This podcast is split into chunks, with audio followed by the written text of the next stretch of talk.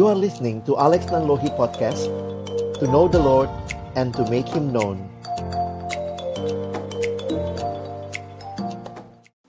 Mari kita berdoa sebelum kita membaca merenungkan firman-Nya.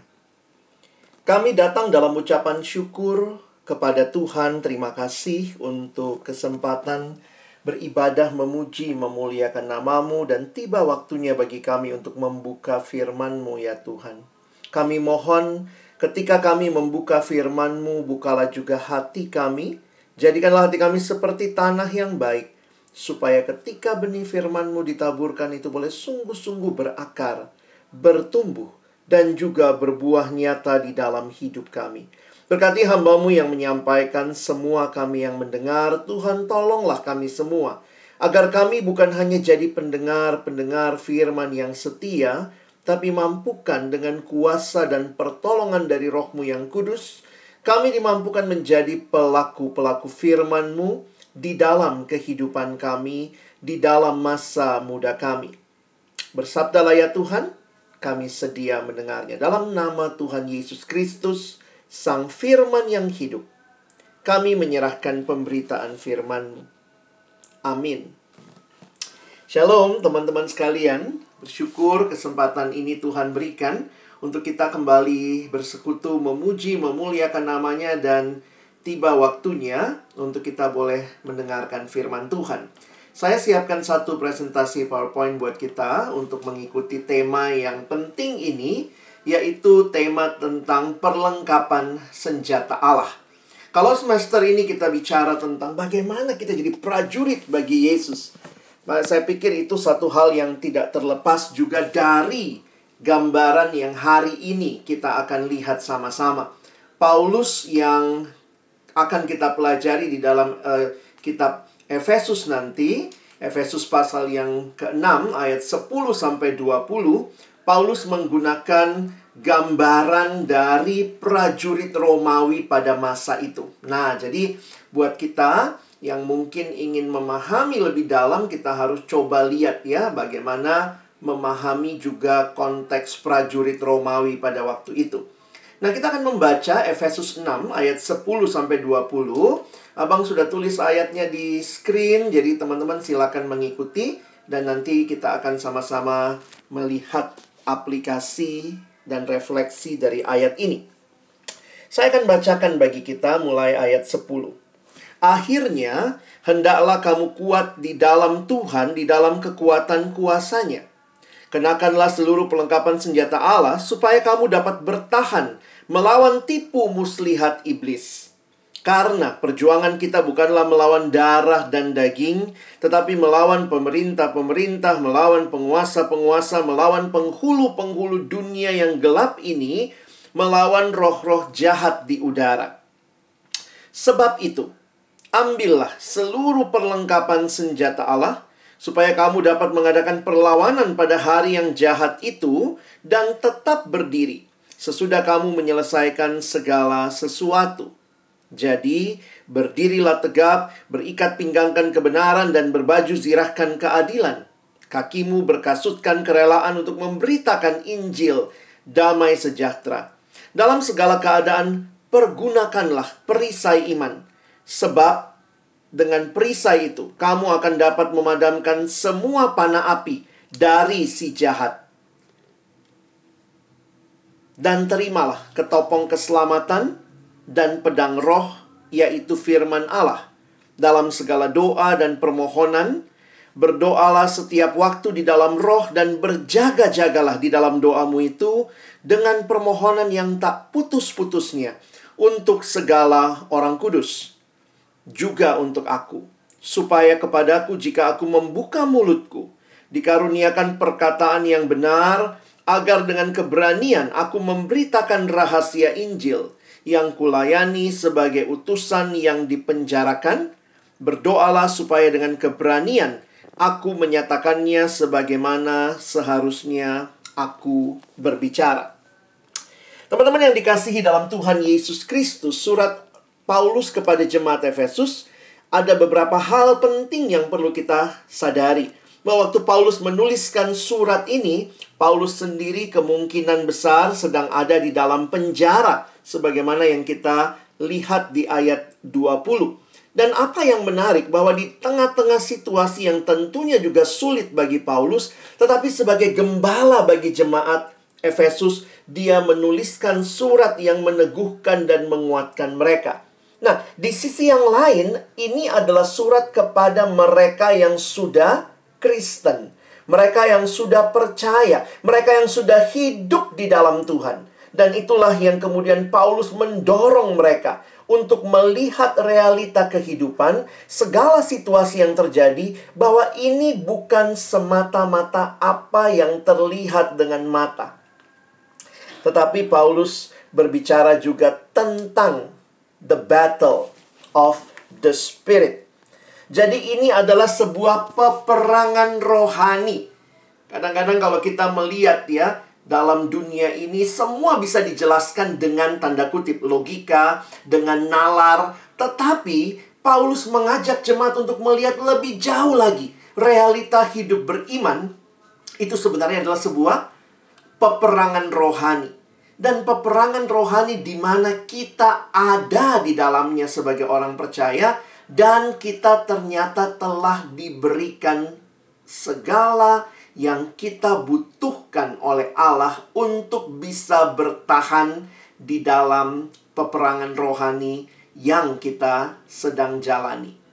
Nah, ini mungkin buat kita yang ada di dunia modern rasanya, ha? Emangnya ada realita lain? Ya, itulah yang Alkitab sampaikan kepada kita tentang kehidupan rohani. Nah, perhatikan di dalam ayat-ayat yang kita bahas tadi.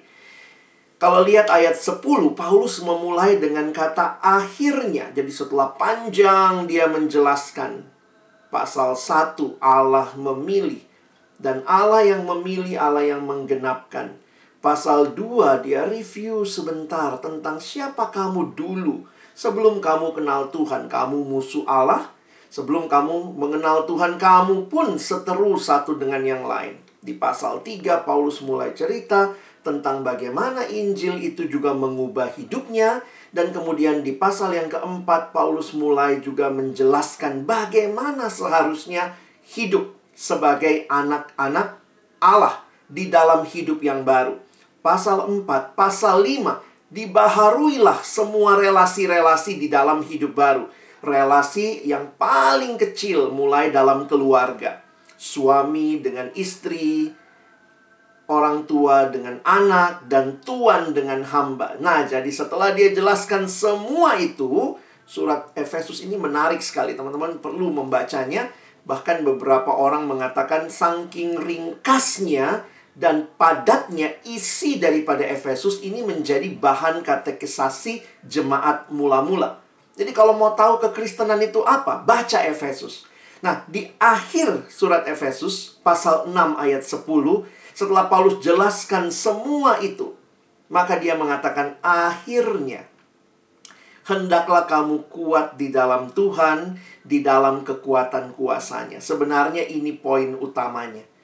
Jangan pernah berharap bahwa kita bisa kuat hanya dengan kekuatan kita.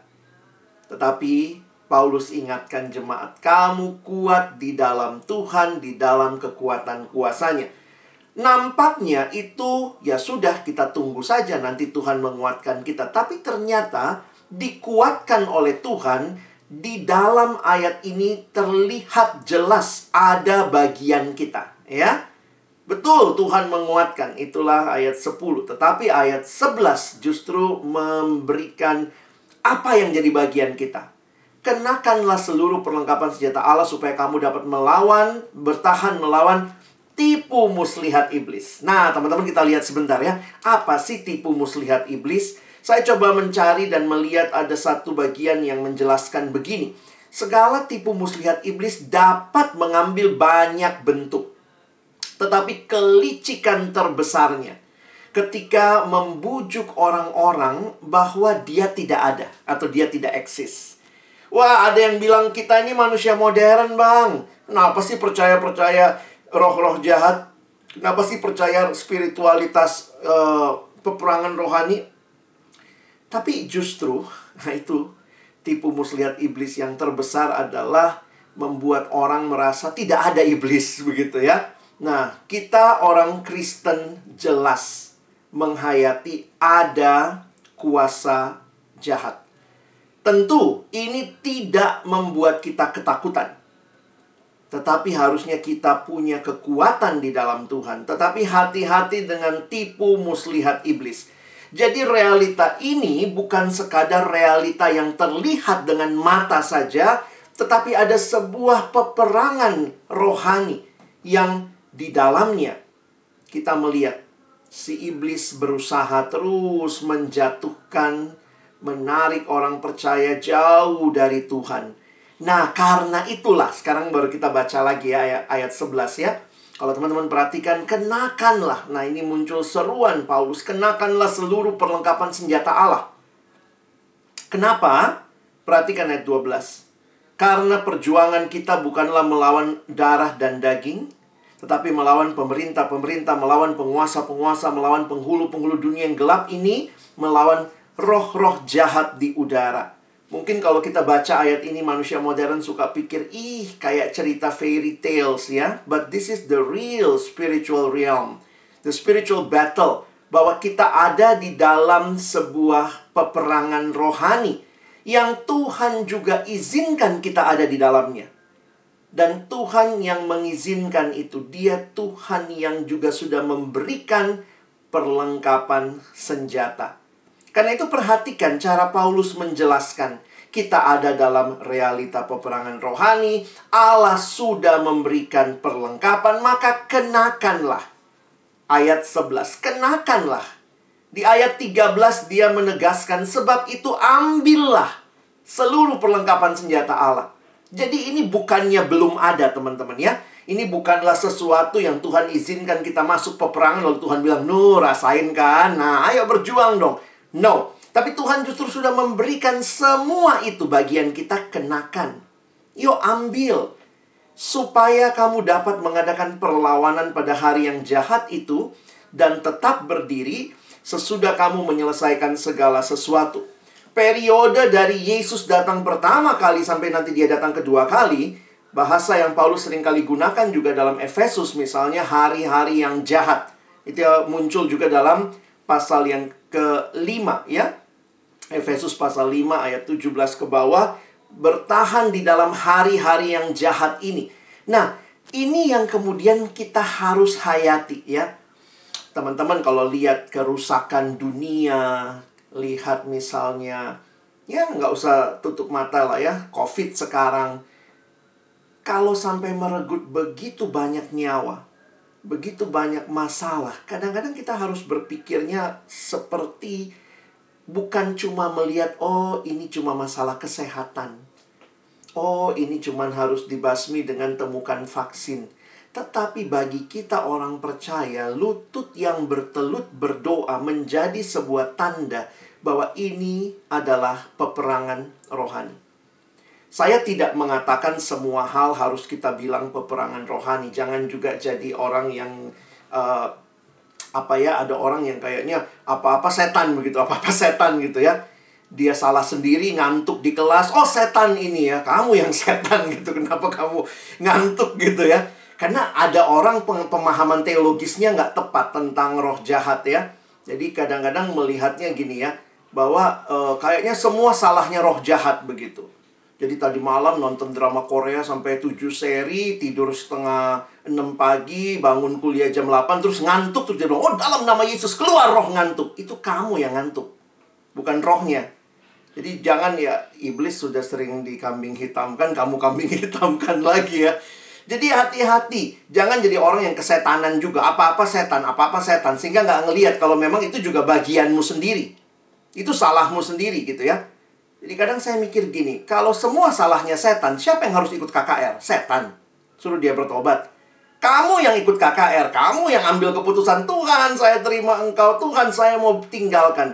Nah, tapi ada realita yang lebih luas daripada itu ketika melihat kejatuhan banyak orang muda, ketika melihat jerat pornografi, ketika melihat jerat-jerat seks yang tidak benar, ketika melihat bagaimana ke kerusakan, ketimpangan sosial, saya melihat bahwa di balik itu ini bukan cuma sekadar kerusakan manusia, tetapi juga ada si iblis yang bekerja bersama antek-anteknya untuk membawa kerusakan. Karena siapa yang paling ingin kematian? Siapa yang paling ingin cari teman di neraka nanti? Ya si iblis lah. Jadi kalau teman-teman melihat realita dunia, saya pikir kenapa kita orang Kristen, kita punya doa syafaat.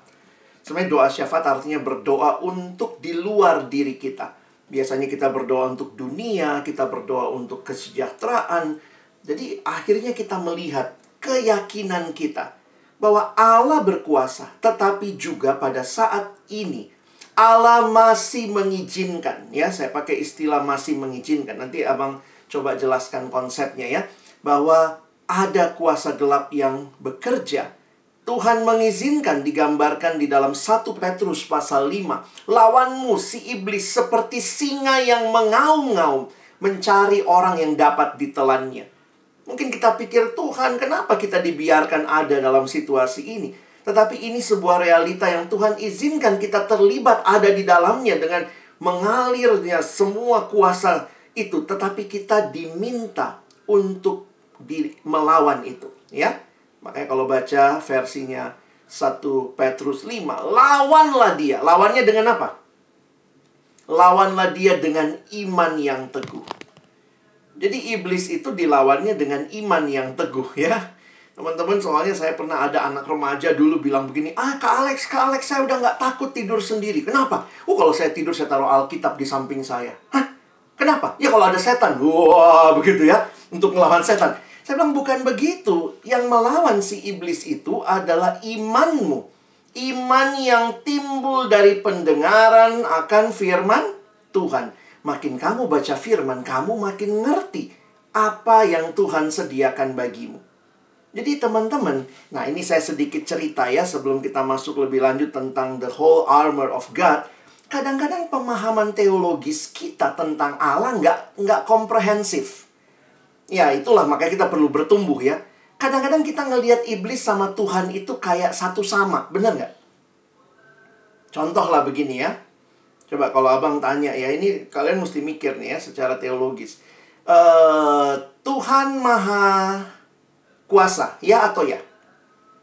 Iya dong ya, Tuhan maha kuasa ya. Oke. Coba saya tanya, iblis maha kuasa nggak? Ya, tidak. Jawabnya langsung jelas ya. Iblis tidak maha kuasa. Yang maha kuasa cuma Allah. Iblis itu tidak maha kuasa. Jadi iblis itu punya kuasa, tapi nggak maha. Kalau nggak dia Allah dong ya. Nah, itu mesti jelas. Nah, mungkin di situ nggak terlalu masalah. Coba sekarang saya tanya lagi. Iblis, eh Tuhan dulu ya. Tuhan maha hadir nggak? Ya atau ya? Iya. Iblis maha hadir nggak? Ayo pikir. Ada yang gini ya, Johnson udah gini. Iblis nggak maha hadir lah. Kalau dia maha hadir, dia Allah gitu ya. Wah, saya waktu bawakan konsep seperti itu, ada bapak-bapak pernah di gereja angkat tangan. Enggak, Pak. Menurut saya iblis itu ada di mana-mana, berarti dia maha hadir dong, Pak. Saya bilang, Pak, kalau saya menghayatinya, kalaupun ada di mana-mana, tapi berarti kan tidak semua. Beda antara ada di mana-mana dengan maha hadir. Mungkin banyak antek-anteknya ada di mana-mana, tapi dia tidak maha hadir. Allah yang maha hadir. Wah, dia masih debat saya, tapi saya nggak saya nggak setuju, Pak ya. Menurut saya iblis tetap maha hadir. Wow, ini Bapak kok kesetanan sekali ya. Dia pendukung setan banget gitu ya. Nah, akhirnya saya bilang gini, Pak, gini deh kalau iblis maha hadir, kenapa kita disuruh usir setan? Coba, kalau kita disuruh usir, itu menandakan dia nggak maha hadir. Karena kalau dia maha hadir, terus kita usir. Dalam nama Yesus, pergi kamu. Terus dia ketawa. Hihihi, aku masih ada, aku maha hadir. Jadi, sering kali penghayatan kita kurang komprehensif melihat Allah dan iblis. Kita pikir Allah sama iblis itu satu sama gitu, teman-teman ya. Abang kasih contoh lagi begini. Nah, sekarang coba kalian jawab pertanyaan ini secara teologis ya. Kalau Allah maha hadir dan iblis tidak maha hadir. Perhatikan kalimat saya. Kalau Allah maha hadir dan iblis tidak maha hadir. Pertanyaan saya begini. Apakah di sini, oh, mungkin kalau kalau saya di ruangan kita Jumatan, tapi ini kan saya di ruang virtual. Apakah di tempatmu iblis hadir? Ada iblis nggak di tempatmu? Eh jangan tunjuk temanmu. Ini ini ini gitu. Ya. Coba kalau ditanya, Allah kan maha hadir, iblis tidak maha hadir. Kalau gitu saya tanya, pertanyaannya, apakah ada iblis di tempatmu? Kalau kamu jawab, ada kak. Hah, tahu dari mana? Temennya. Tapi kalau kamu jawab tidak ada, bingung juga kan? Hah? Kok bisa tahu kamu dia nggak ada? Jadi secara teologis, nah ini secara teologis ya, saya ajarin cara berpikir. Kalau ditanya, apakah ada iblis di tempatmu? Gimana jawabnya? Mung, mungkin. Itu teologis. Karena dia tidak maha hadir dan kamu sendiri nggak bisa memastikan dia ada apa tidak. Kecuali kamu temennya ya. Jadi karena itu secara teologis kalau ditanya apakah di sini ada iblis?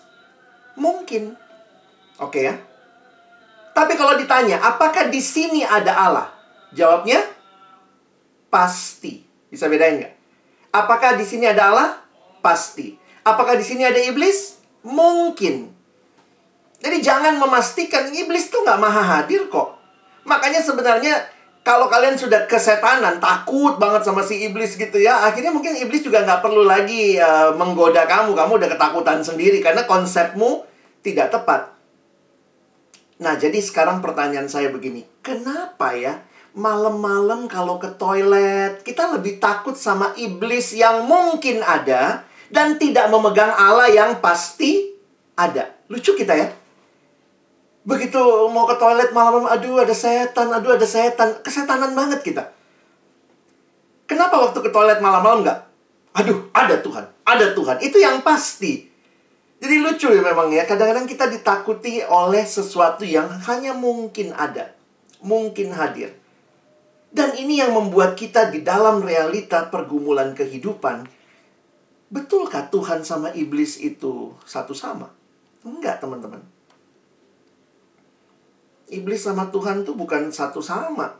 Tuhan itu maha, iblis bukan maha. Jadi Tuhan jauh, seribu nol gitu kali ya. Bukan satu nol ya. Tapi kadang-kadang kita ngelihat kayak Tuhan sama iblis tuh ya uh, ini ya sparring partner gitu. No, tidak. Ya. Nah, karena itu waktu kita menghadapi realita kerohanian seperti ini, kenali siapa Tuhanmu. Kenali apa yang Tuhan sudah kasih sama kita. Itulah perlengkapan senjata rohani siaga penuh. Perhatikan, ini gambaran dari prajurit Romawi. Memang abang harus bilang bahwa karena kita juga hanya mungkin merekonstruksi, banyak sekali gambar yang saya temukan ya. Jadi ada gambar yang bilangnya seperti ini bajunya ya, ada yang mungkin juga uh, melihatnya seperti ini. Jadi masing-masing punya stylenya ya. Tergantung penggalian arkeologis yang dilakukan. Tapi secara umum bagi saya semua gambarnya ini adalah uh, gambaran yang uh, cukup mirip begitu. Kecuali beberapa itu berkaitan sama perisai misalnya. Ada yang bilang perisainya itu satu tubuh. Ada yang bilang cuma separuh. Nah itu tergantung nanti penafsiran kita seperti apa.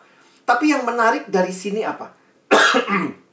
yang mau disampaikan oleh Paulus seperti tema semester ini yang teman-teman sedang gumulkan, kita itu sedang ada dalam satu peperangan dan kita adalah prajurit-prajurit Allah.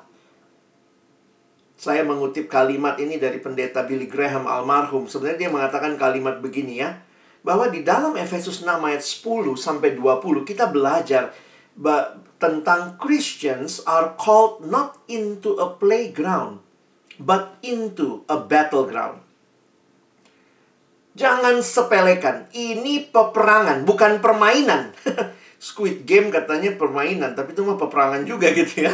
Kalau lihat itu mati-mati begitu ya. Tapi kita dikasih penghayatannya ya. Jadi kalau kalian senang main game ya ini uh, war mode on. Jadi jangan lihat hidup ini cuman seperti ya kayak permainan aja lah. Ya kalah-kalah dikit nggak apa-apa lah. No. Kita harus menghayatinya sebagai sebuah peperangan. Saya menuliskan jika kita meremehkan musuh rohani kita, kita tidak akan melihat kebutuhan akan perlengkapan senjata Allah dan pergi ke pertempuran tanpa persenjataan. Tanpa senjata dan dengan kekuatan kecil, maka kita akan dengan cepat dikalahkan. Teman-teman, saya tidak mau juga kita kesetanan karena bukan itu tujuan dari Alkitab memberikan pemahaman ini. Tapi saya ingin kita mengerti bahwa si iblis ini penuh tipu muslihat untuk menjatuhkan kita dan itu real. Oke? Okay?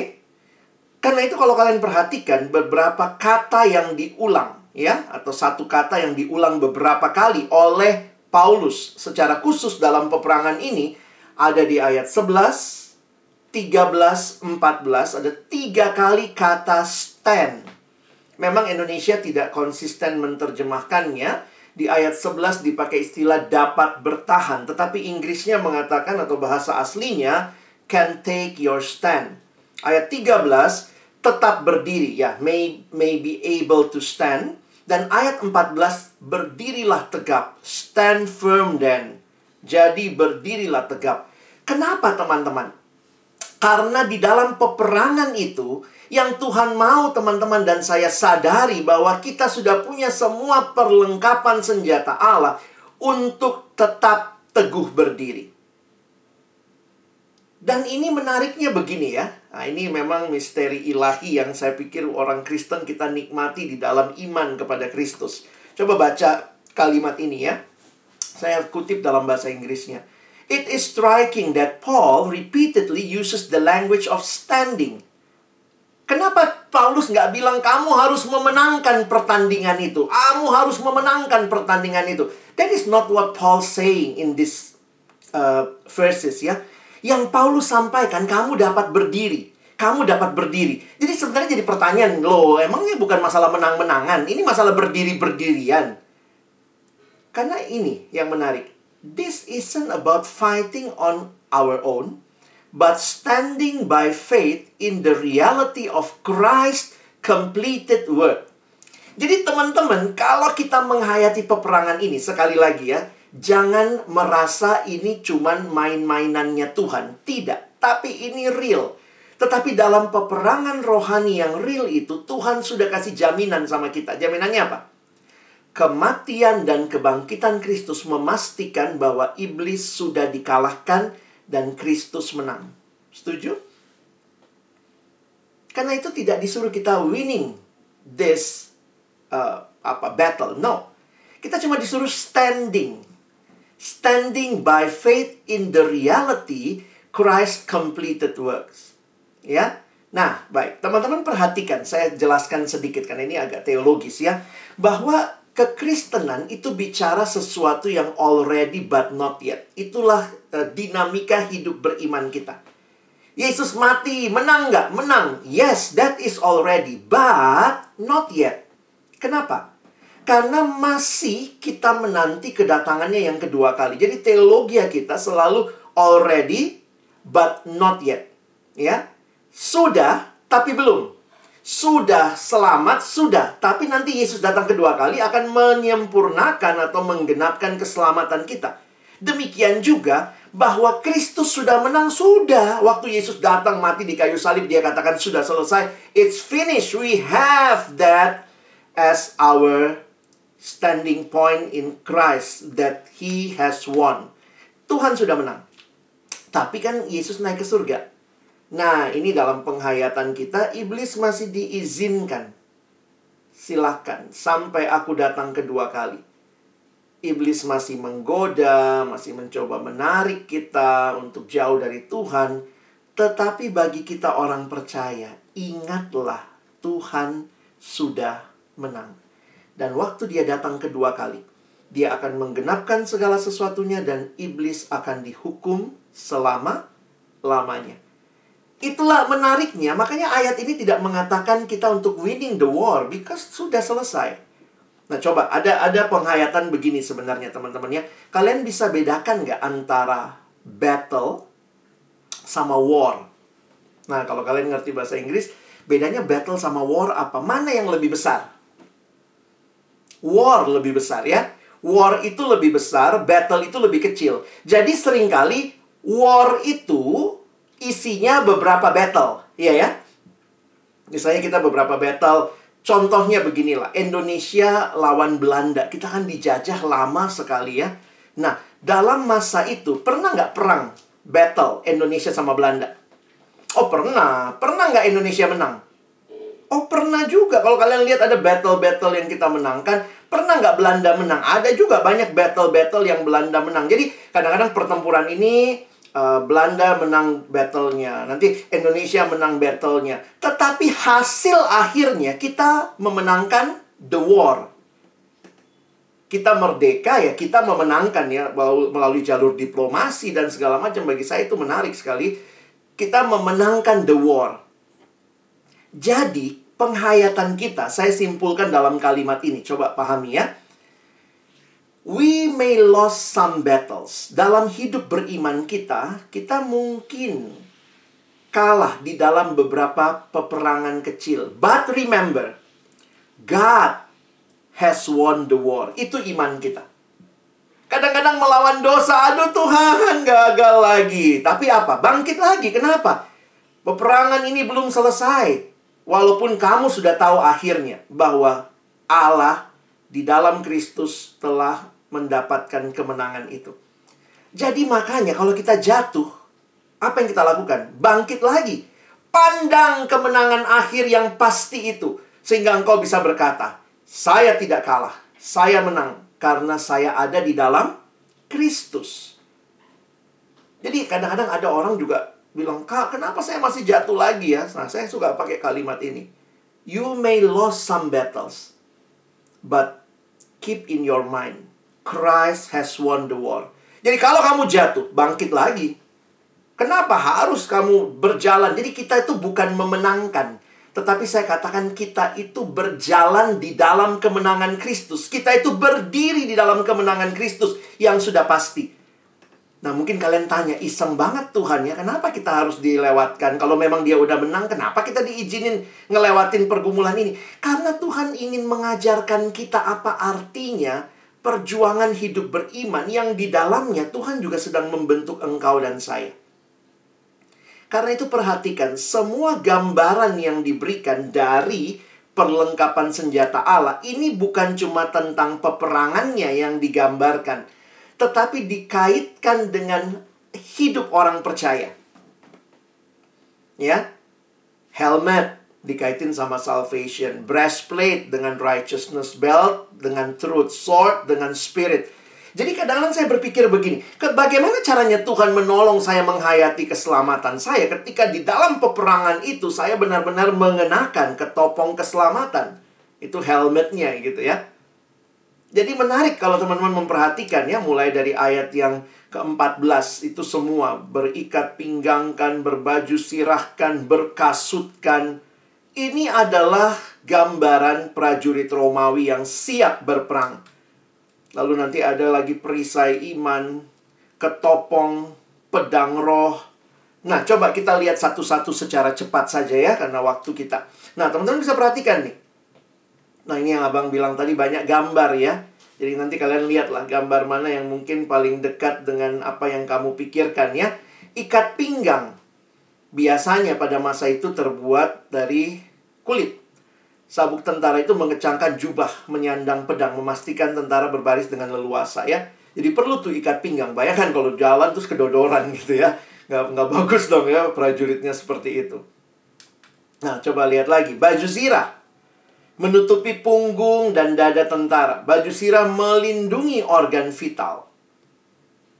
Nah, ini semua uh, saya ambil penjelasan-penjelasan dari apa saja perlengkapannya ya kasutnya itu setengah but ya. Setengah but dari tentara Romawi terbuat dari kulit, membiarkan jari-jari bebas, memiliki sol kuat dan tali yang diikatkan pada pergelangan kaki. Sepatu but ini mendukung perjalanan panjang dan memberikan langkah yang kokoh dan mencegah terpeleset. Lalu, perisai. Nah, ini perisai lonjong ini melindungi seluruh tubuh dan dirancang untuk memberikan perlindungan dari panah runcing.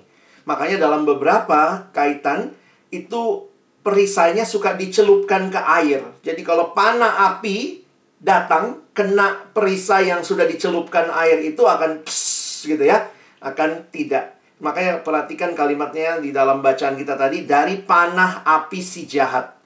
Lalu kemudian ketopong. Ketopong itu helmet ya, ya tutup kepalanya itu. Terbuat dari perlu pelunggu, helm memiliki lapisan kain yang membuat beratnya dapat ditahankan. Kalau enggak kan sakit banget pasti ya. Kayak helm kali ada pelindungnya ya. Pelindung berengsel menambah proteksi dari depan. Tidak ada kapak kecil yang dapat menumbusi helmet itu saking kuatnya begitu ya. Nah, kalau kalian perhatikan ini semua alat-alat apa? Alat perang betul sih, tapi menariknya ini alat untuk bertahan. Tangkep ya? Nggak ada kan orang yang maju perang uh, dengan senjatamu apa? Helmet. Dia pakai helmetnya pukul-pukulin musuh. Uh, uh, uh, bandel kamu. Nggak gitu ya. Ini semua peperangan dengan gambaran ini. Ini alat untuk bertahan. Satu-satunya alat untuk menyerang itu cuma pedang. Kalau kalian baca bagian ini menarik ya. Cuma pedang loh alat untuk menyerang. Hanya ini bagian dari perlengkapan tersebut yang dipakai untuk menyerang dan juga melindungi diri. Karena yang lain itu mostly perlindungan diri. Ya. Nah, jadi teman-teman, apa yang kita bisa pelajari dari semua ini? Kenapa Tuhan izinkan kita ada dalam peperangan ini? Karena Tuhan sedang mau memberikan kekuatan kepada kita, membangun hidup kita, melihat bahwa di dalam Kristus kita punya semua yang dibutuhkan untuk hidup dalam dunia yang begitu mengerikan ini. Ditambah lagi kalau kalian lihat ya, memperlengkapi diri kita dengan perlengkapan senjata Allah ini bukan hal mekanis, pakai aja, pakai aja, tapi ini ekspresi kebergantungan kita kepada Tuhan. Dan kalau kalian baca ayat 18 dan 20, doa menjadi bagian yang seperti meliputi keseluruhan peperangan rohani kita. Karena itu perhatikan ayatnya, saya nggak usah baca lagi. Tapi ayat 18 sampai ayat 20 berdoalah setiap waktu di dalam roh dan berjaga-jagalah dalam doamu itu. Berdoalah. Apa yang Paulus minta untuk didoakan, doakan juga supaya aku bisa menyampaikan apa yang harus aku sampaikan. Wah, jadi kalau kalian perhatikan ini ya, benar-benar mode peperangan, tetapi sebenarnya di sini kita cuma diminta bertahan, berdiri, tapi juga di dalamnya Tuhan sedang membentuk kita. Ini kesimpulan yang bisa kita ambil. Ketika engkau dan saya menghadapi peperangan rohani, kita dipanggil pakai ikat pinggang kebenaran. Maksudnya apa? Hidup benar. Karena dibenarkan. Kita dipanggil untuk berlaku adil. Kita dipanggil untuk punya kasut kerelaan, bersaksi. Jadi saya melihat gini ya, makin sulit keadaan, makin berat perjuangan pergumulan rohani, tantangan, kita diminta terus hidup benar, terus berlaku adil, terus bersaksi, terus beriman kepada kasih dan pengampunan Allah, itu perisai iman. Terus punya keyakinan keselamatan dalam Kristus, itu ketopong keselamatan. Terus pegang firman Allah, Alkitab, itu bagian hidup kita yang tidak terpisahkan kenakanlah semuanya dalam doa dan permohonan. Jadi teman-teman yang dikasihi Tuhan, peperangan ini real. Dan Tuhan tidak hanya mengizinkan kamu masuk perang. Tuhan tidak hanya kasih semua yang kamu butuhkan. Tetapi ketika kamu me melakukan semuanya, kamu sedang terus ikut di dalam bagian yang sedang Tuhan siapkan. Sampai dia datang kedua kali. Dan bagi saya ini yang indah dari hidup beriman Tuhan makin sulit kondisi. Iblis makin bekerja di tengah dunia ini. Iblis membuat orang hidup nggak benar. Saya harus hidup benar. Iblis membuat banyak ketidakadilan secara sosial, ekonomi tidak merata. Saya dipanggil untuk berlaku adil. Iblis membuat orang sibuk dengan dirinya. Saya dipanggil untuk peduli dengan sesama, bersaksi bagi mereka. Iblis membuat orang tidak merasakan kasih dan pengampunan, hidup dalam rasa bersalah, dituduh saya dipanggil untuk hidup beriman.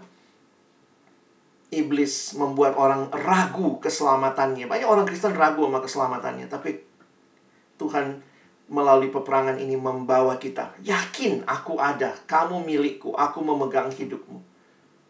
Banyak orang mengabaikan firman. Hidup mengikuti dirinya maunya apa. Kita dipanggil untuk ikuti apa yang Tuhan mau. Jadi teman-teman yang dikasihi Tuhan, bagi saya ini bagian yang menarik sekali Tuhan sedang memanggil kita masuk dalam peperangan ini. Saya tutup dengan beberapa refleksi saja bagi kita untuk kita ingat bahwa sebagai pribadi dan sebagai keseluruhan umat Allah, Bagaimana kita melihat hidup kita dalam situasi peperangan rohani, apa yang sudah Tuhan berikan? Maka pertama, recognize that attack is coming. Sadari, jangan lengah ya bahwa ada serangan yang mungkin atau akan datang kepada hidupmu. Makanya kita terus dalam mode war mode on. Tapi yang kedua, belajar untuk mengenakan seluruh senjata Allah yang sudah malas-malas baca firman, saat teduhnya ditanya, gimana saat teduhmu, dek? teduh, bang. Teduh sekali ya. Nah, ayo, mulai lagi saat teduh. Kamu lagi perang, teman-teman. Adikku, kamu lagi perang. Yang malas datang ibadah, yang malas ikut baca firman, kalau dengar khotbah pengennya ngantuk, bobo. Ayo, kita dalam peperangan. Kamu butuh itu. Put on the whole armor of God. Kamu yang mulai nggak adil di ujian, mulai nyontek, mulai copy paste tugas, salin hasil uh, laporan praktikum gitu ya, cuman copy paste dari angkatan ke angkatan. Ayo berlaku adil. Kenapa ini peperangan kalau kamu lengah? Pakai itu, pakai keadilan, pakai kebenaran, pakai kejujuran begitu ya. Dan akhirnya ini ya, mari stand firm dan akhirnya tidak terombang-ambingkan. Slide ini akan saya pakai menutup khotbah saya. Allah telah memberikan kita senjatanya, tetapi adalah tanggung jawab kita untuk memakainya dan menggunakannya dengan keyakinan teguh untuk melawan kuasa si jahat. Bagaimana dengan hidup kita? Kiranya Tuhan menolong kita bukan hanya jadi pendengar firman, tapi boleh jadi pelaku-pelaku firmannya. Amin. Mari berdoa. Tuhan terima kasih buat firman-Mu. Terima kasih kami dipanggil di dalam satu peperangan yang sudah kau menangkan. Tetapi di dalam peperangan yang Tuhan izinkan, Tuhan juga sedang membentuk kami. Tuhan sedang membangun hidup kami. Tuhan membawa kami jadi berkat di tengah dunia yang hancur. Kami sungguh berdoa, mampukan kami berdiri teguh. Memakai seluruh perlengkapan senjata Allah untuk hidup benar, hidup jujur, hidup adil, hidup beriman, hidup berkeyakinan dalam Tuhan, hidup yang membaca, memerenungkan firman-Mu. Karena itulah yang sudah Tuhan berikan supaya kami bisa bertahan. Bahkan bukan hanya bertahan, kami bisa bersaksi, membawa orang lain juga mengenal siapa Yesus yang telah memenangkan pertempuran yang sejati. Terima kasih. Berkati adik-adikku dalam perjuangan untuk hidup menjadi prajurit-prajurit Allah. Kiranya benar-benar memakai seluruh perlengkapan senjata yang sudah Tuhan berikan supaya kami bisa bertahan. Tolong kami bukan cuma jadi pendengar firman tapi jadi pelaku firman. Kami bersyukur dalam nama Yesus. Amin.